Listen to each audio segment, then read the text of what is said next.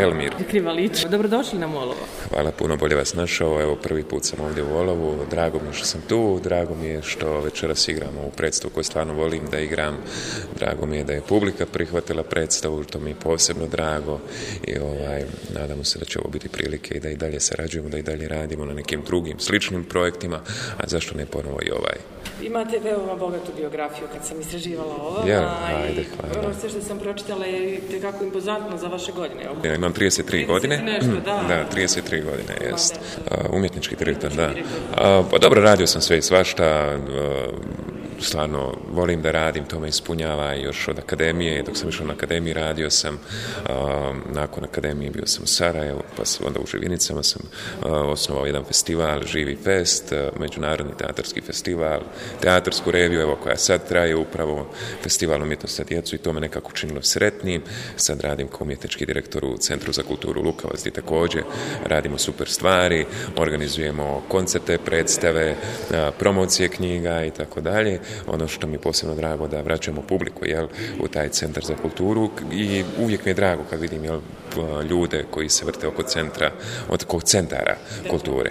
A sad ono na čemu radim, evo, igram predstave, evo, vraćam se danas upravo iz Zagreba gdje sam bio na jednoj audiciji za dugometražni film.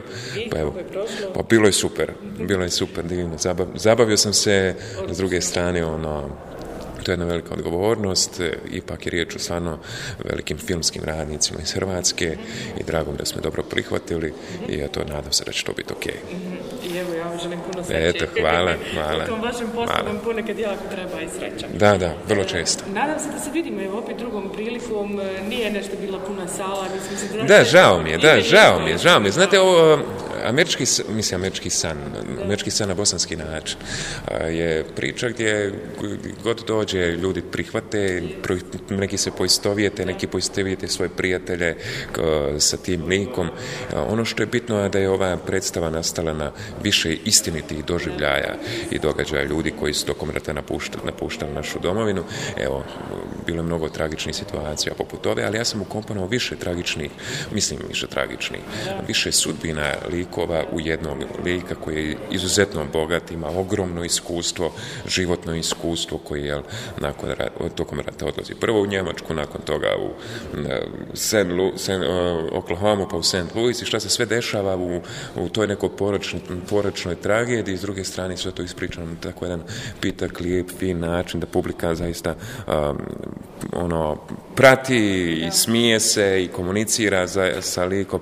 Kad je više ljudi, to onda bude ono, potpuno drugačije, mislim, ne potpuno, a bude drugačije jer se ljudi, primijetio sam ono, ljudi se stidi da progovore i o, ipak interaktivna predstava. ali kad ima više ljudi, onda se ne stide, onda ono, svi hoće nešto da kaže Da.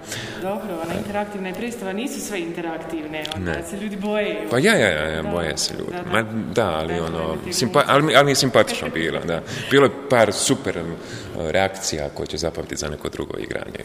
Možemo vas vidjeti da nam obećate opet drugom prilikom doći. Vrlo rado, vrlo rado, vrlo rado. Hvala vam puno, puno sreće i uspjeha u radu. Ništa, hvala vam na pozivu, bilo mi je zadovoljstvo, stvarno jest. Hvala.